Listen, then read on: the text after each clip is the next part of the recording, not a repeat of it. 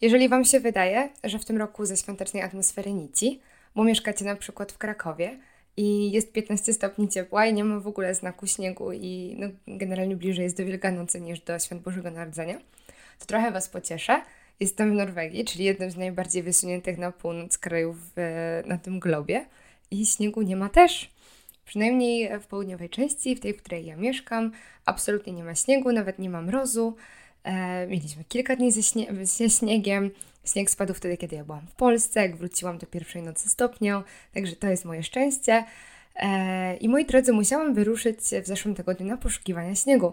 No bo też chciałam trochę tego śniegu doświadczyć i pamiętam jak w zeszłym roku, dwa lata temu, wyprowadzałam się z Telemarku, wyprowadzałam się z By po, mojego, po moim Erasmusie i kurde, śniegu było po kolana i w ogóle brodziliśmy w zaspach i tak dalej, a w tym roku no lipa.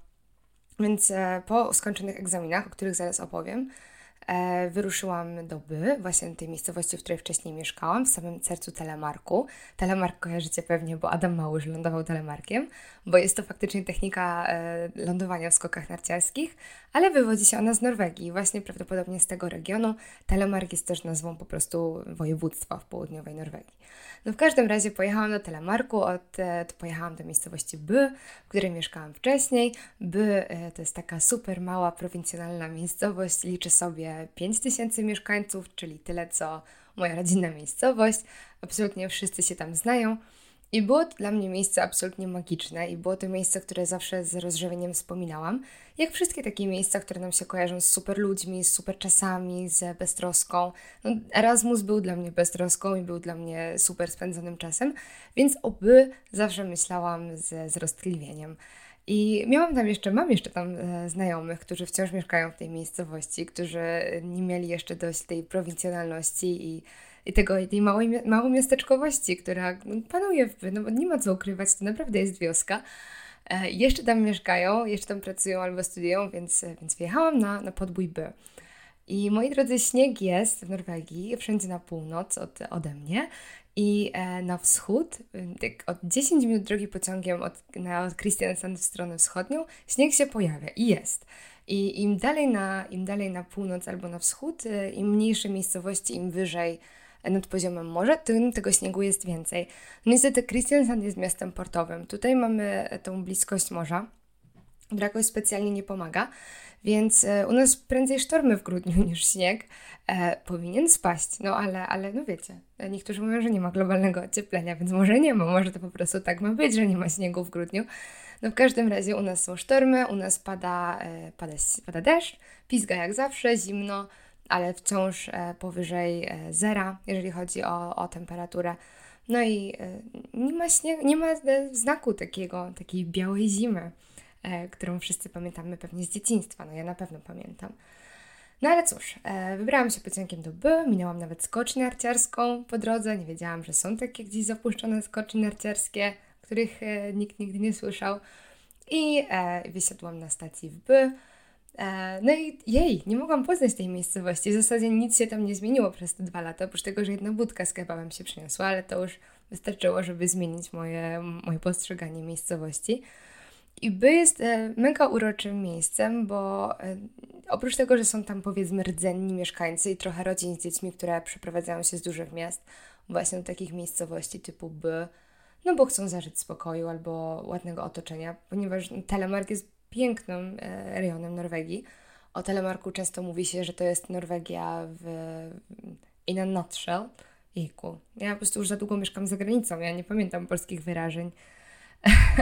E, no w każdym razie, wiecie o co mi chodzi? E, Telemark, oprócz tego, że nie ma tam fiordów, to jest tam wszystko. Są góry, jeziora, taki prawdziwy norweski krajobraz, naprawdę piękny rejon, a dosyć blisko nas, więc jeżeli ktoś wybiera się do Norwegii, a nie chce nie chce od razu się szarżować na północ albo gdzieś na fiordy, to, to Telemark jest bardzo fajnym miejscem do odwiedzenia na pierwszy raz. Szczególnie jeżeli ktoś lubi chodzić po górach, bo w Telemarku mamy na przykład Gaustatopen, który jest jeden z najwyższych, e, jednym z najwyższych szczytów Norwegii i przy dobrej widoczności podobno z jego szczytu widać jedną szóstą Norwegii. Jest tam bardzo pięknie. E, sama tego nie mogę potwierdzić, bo byłam tam tylko na takim, takim nocnym wędrowaniu. To był taki event zorganizowany ku wspieraniu e, szczytnych celów związanych z zagrożeniami klimatu i jakby wspieranie takich e, założeń Unii Europejskiej, które miały pomóc w walce z ociepleniem klimatu. Dlatego właśnie w walce z ociepleniem klimatu 5 tysięcy osób i ze zmianami klimatycznymi 5 tysięcy osób poszło jednej nocy z, z czołówkami i z, z dobrym nastawieniem na, na nocną wędrówkę na Gaustatopen. Czy to miało sens w kontekście założonego celu? Nie wiem, odpowiedzcie sobie sami na to pytanie, jak szkodliwe dla środowiska może być 5000 osób na szczycie jednej góry naraz. Ale okej. Okay. No więc nie miałam okazji zobaczyć jednej szóstej Norwegii ze szczytu Gaustatopen, po prostu byłam tam w nocy, ale sama wędrówka przy zachodzie słońca naprawdę była spektakularna tak czy siak. No ale wróćmy jednak do śniegu. W by śnieg był, nie zbyt dużo, bo jednak padało, ale udało mi się, udało mi się taki posmak tej zimy faktycznie tam zdobyć. A prawdziwą zimę, e, prawdziwej zimy doznałam, kiedy wyjechaliśmy ze znajomymi na szczyt Lifiel. To jest jedna z najwyższych gór właśnie w okolicach By. Liczy sobie około 1200 metrów nad poziomem morza, albo szczyt ma 1200 metrów nad poziomem morza. Ja nie pamiętam tej terminologii tak dobrze, ja już geografii nie miałam, o, kopę lat. No w każdym razie e, na szczycie Lifiel było, była masa śniegu i to, jeżeli ktoś tam mnie widział na Instagramie, to wrzucałam zdjęcia i filmiki, to było takie piękne faktycznie e, troszkę tej zimy takiej prawdziwej doświadczyć i tych zasp po kolana i takich chatek, bo na Lifiel oprócz tego, że są e, stoki narciarskie, e, bardzo fajny kurort e, przy okazji, to, to jest jeszcze taka na przykład e, piękna restauracja, która jest w takiej drewnianej chatce i na zewnątrz tej chatki są drewniane ławy i krzesła i przykryte futrami i jest taka specjalna chatka do grilla, którą można wykorzystywać e, właśnie w lecie. I, I, w środku tej chatki są pokoje do wynajęcia, w tej dużej chatki, tam gdzie jest restauracja. No i też, e, też jest restauracja, nazywa się to Lifielstuła, jeżeli mielibyście okazję albo ochotę obczaić sobie to gdzieś. E, no i mają pyszne jedzonko i winko i, i, piękny widok i no właśnie ten śnieg i piękne dekoracje i kominek się palił.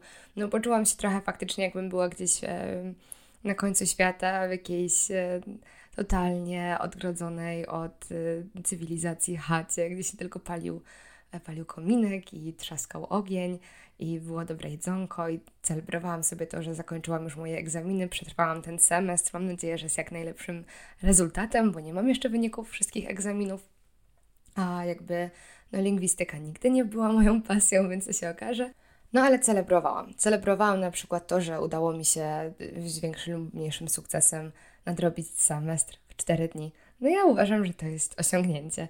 I było to konieczne, ponieważ przez cały semestr albo pracowałam, albo bimbałam, albo miałam jakąś depresję totalną, więc e, nie czytałam na pewno tych wszystkich e, podręczników i artykułów na bieżąco i teraz tak mówię sobie, w przyszłym semestrze będę to robić, już nie będę olewać szkoły. Zobaczymy, jak to wyjdzie.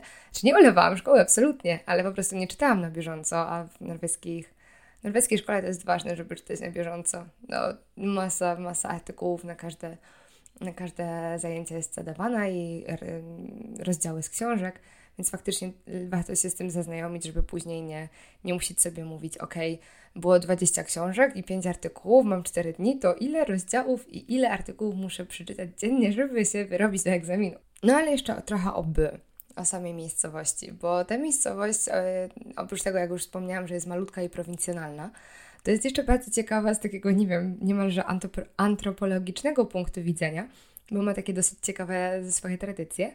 E, w By na przykład jest tylko jeden bar, no bo po co więcej?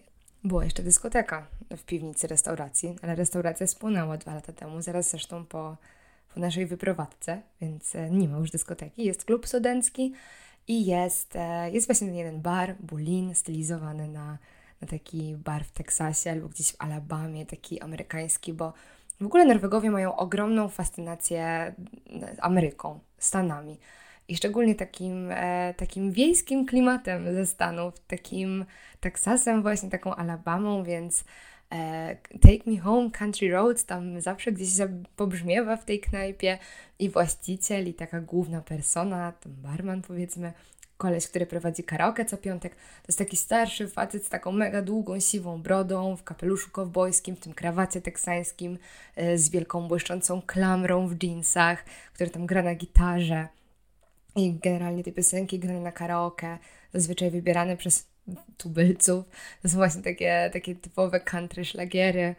E, I cały klimat tego miejsca i wystrój jest utrzymany właśnie w takim, e, takim teksańskim country klimacie. E, no i by charakteryzuje się jeszcze tym, że co piątek, co sobotę, w zasadzie w każdy dzień, ale w piątek i w sobotę przeżywa na tarcie takiej grupy, która nazywa się Ronera. I co to są Ronera? To w takim direct translation z norweskiego byłoby to wieprze. Znaczyłoby to wieprze. I, I, kim są wieprze? Oni mają nawet swoją stronę na norweskiej Wikipedii. Wieprze, moi drodzy, to jest taka grupa, która e, interesuje się samochodami i jako swoje główne hobby ma jeżdżenie tymi samochodami wokół, e, po na przykład miejscowości takiej jakby i chwalenie się, że o, mam nowe fele, albo o, dzisiaj e, sobie zamontowałem wielkie reflektory z przodu mojego super starego Volvo i teraz będę się tym chwalił.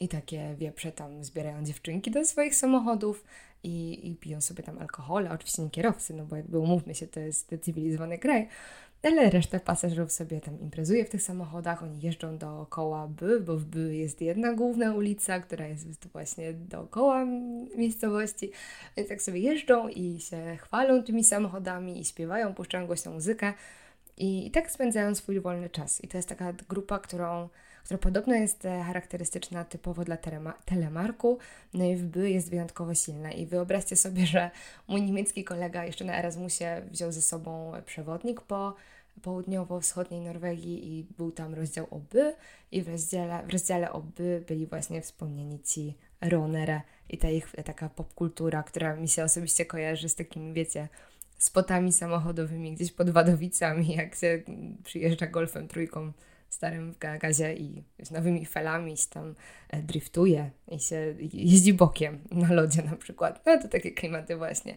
tylko, tylko w Norwegii i Volvo, a nie golfem. By samo w sobie jest też specyficzne, bo mimo tego, że nie ma jakoś wiele mieszkańców, to na pewno dużo dokładają tej liczby osób mieszkających e, w By, dużo dokładają się studenci, bo w By, mimo tego, że jest to w zasadzie wieś, na polskie standardy to na pewno jest wieś, na norweskie to miasteczko, E, jest tam kampus, kampus uczelni e, University of South East Norway, która właśnie ma swoje kampusy rozsiane w kilku miejscowościach, miastach, miasteczkach w południowo-wschodniej Norwegii, w Telemarku i w Westfold, czyli w dwóch takich e, województwach.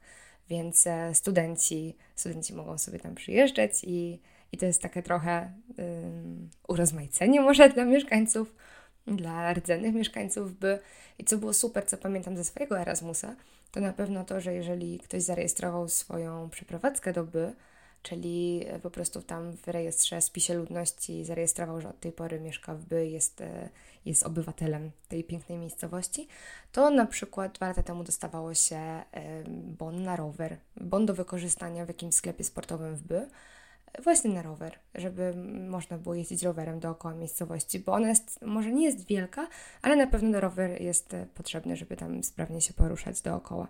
Więc to według mnie było świetne. E, I wiele norweskich miejscowości takie akcje prowadzi. Na przykład w Kristiansand, jeżeli w tym roku ktoś zarejestrował swoją przeprowadzkę do Kristiansand, to e, otrzymywał bon. Boże, co to było?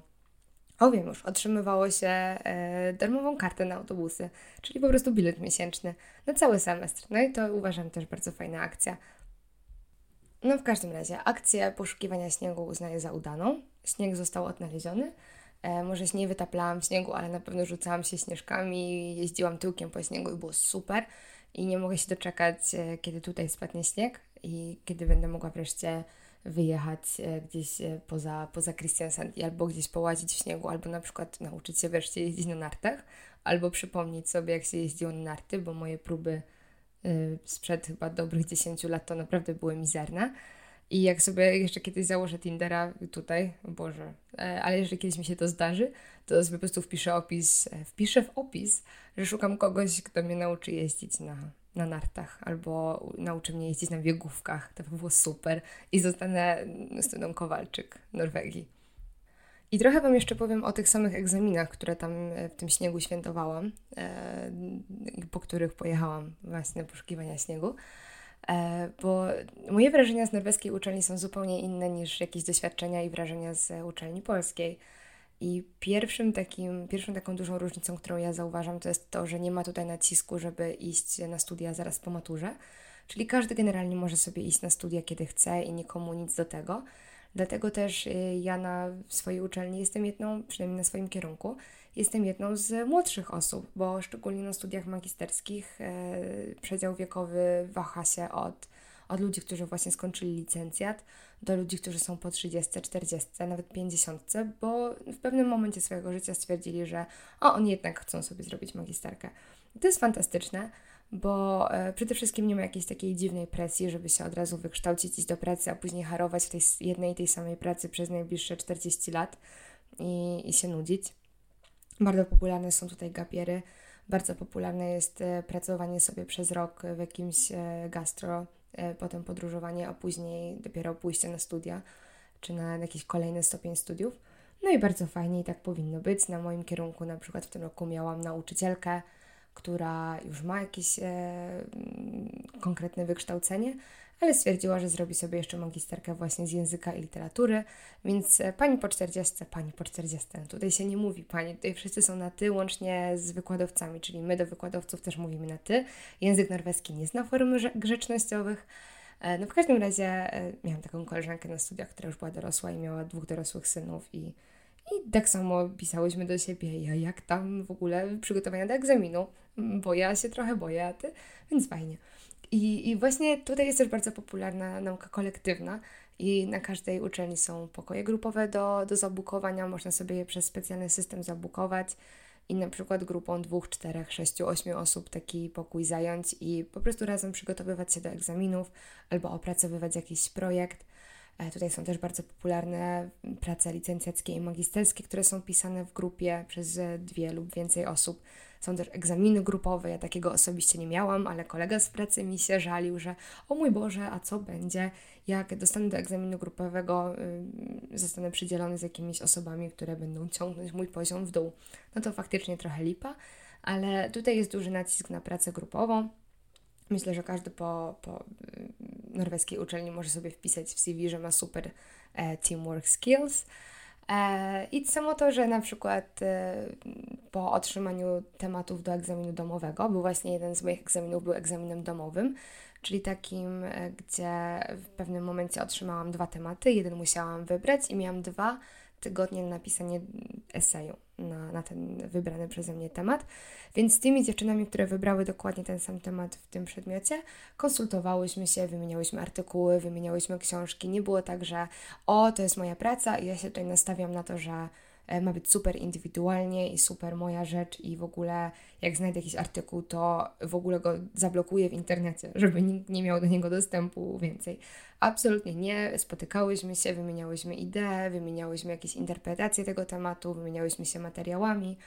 E, bardzo sympatyczne, sympatyczne podejście e, i faktycznie ułatwiało tą pracę.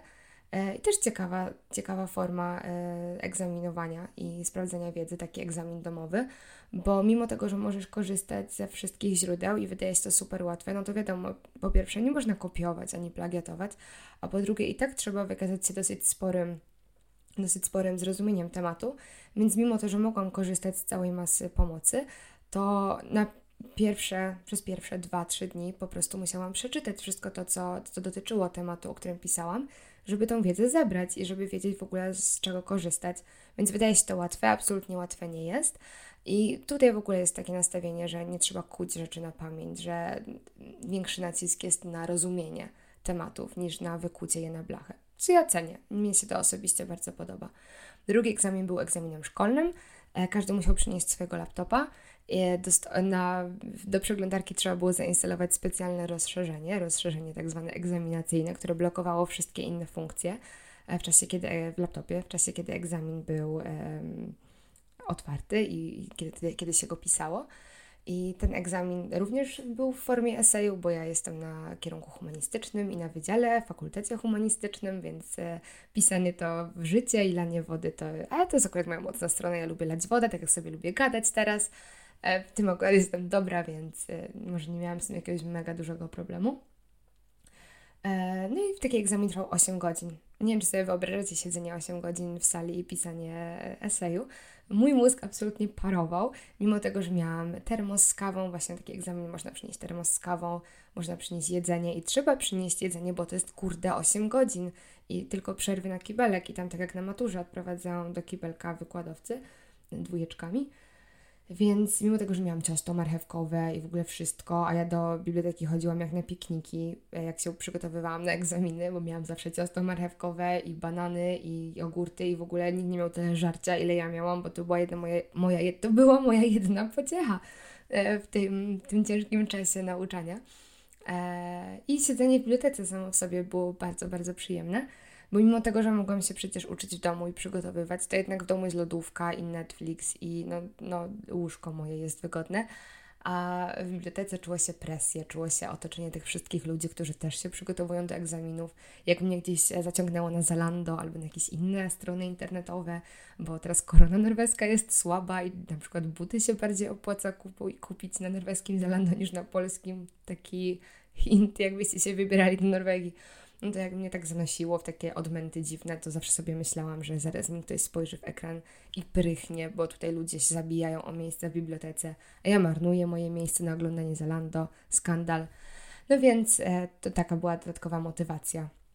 I też było bardzo fajnie patrzeć po prostu na innych ludzi, którzy też męczyli się ze swoimi pracami, ze swoimi egzaminami, ze swoimi streszczeniami prac licencjackich i magisterskich i tam wzdychali nad tym wszystkim i się uśmiechali do ciebie, jak ty wzdychałaś. I w ogóle byli w każdym wieku, bo pewnego dnia siedział koło mnie dziadek, który miał tak z 60 lat z książką i z notatnikiem i robił sobie notatki i się przygotowywał do egzaminu.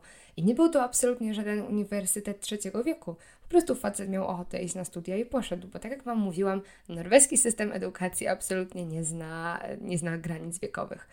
Nie zna też jakichś dużych granic, jeżeli chodzi o taki power distance, bo to, co ja pamiętam na przykład z mojego ro krótkiego romansu z Ujotem, e, z polonistyką na Ujocie, a polonistyka na Ujocie to jest e, środowisko bardzo hermetyczne i dosyć specyficzne. I pamiętam na przykład profesora od e, romantyzmu, który na egzaminach lubił zadawać pytanie, czym różni się romantyzm od dopartyzmu, tak z nawiązaniem do jego nazwiska.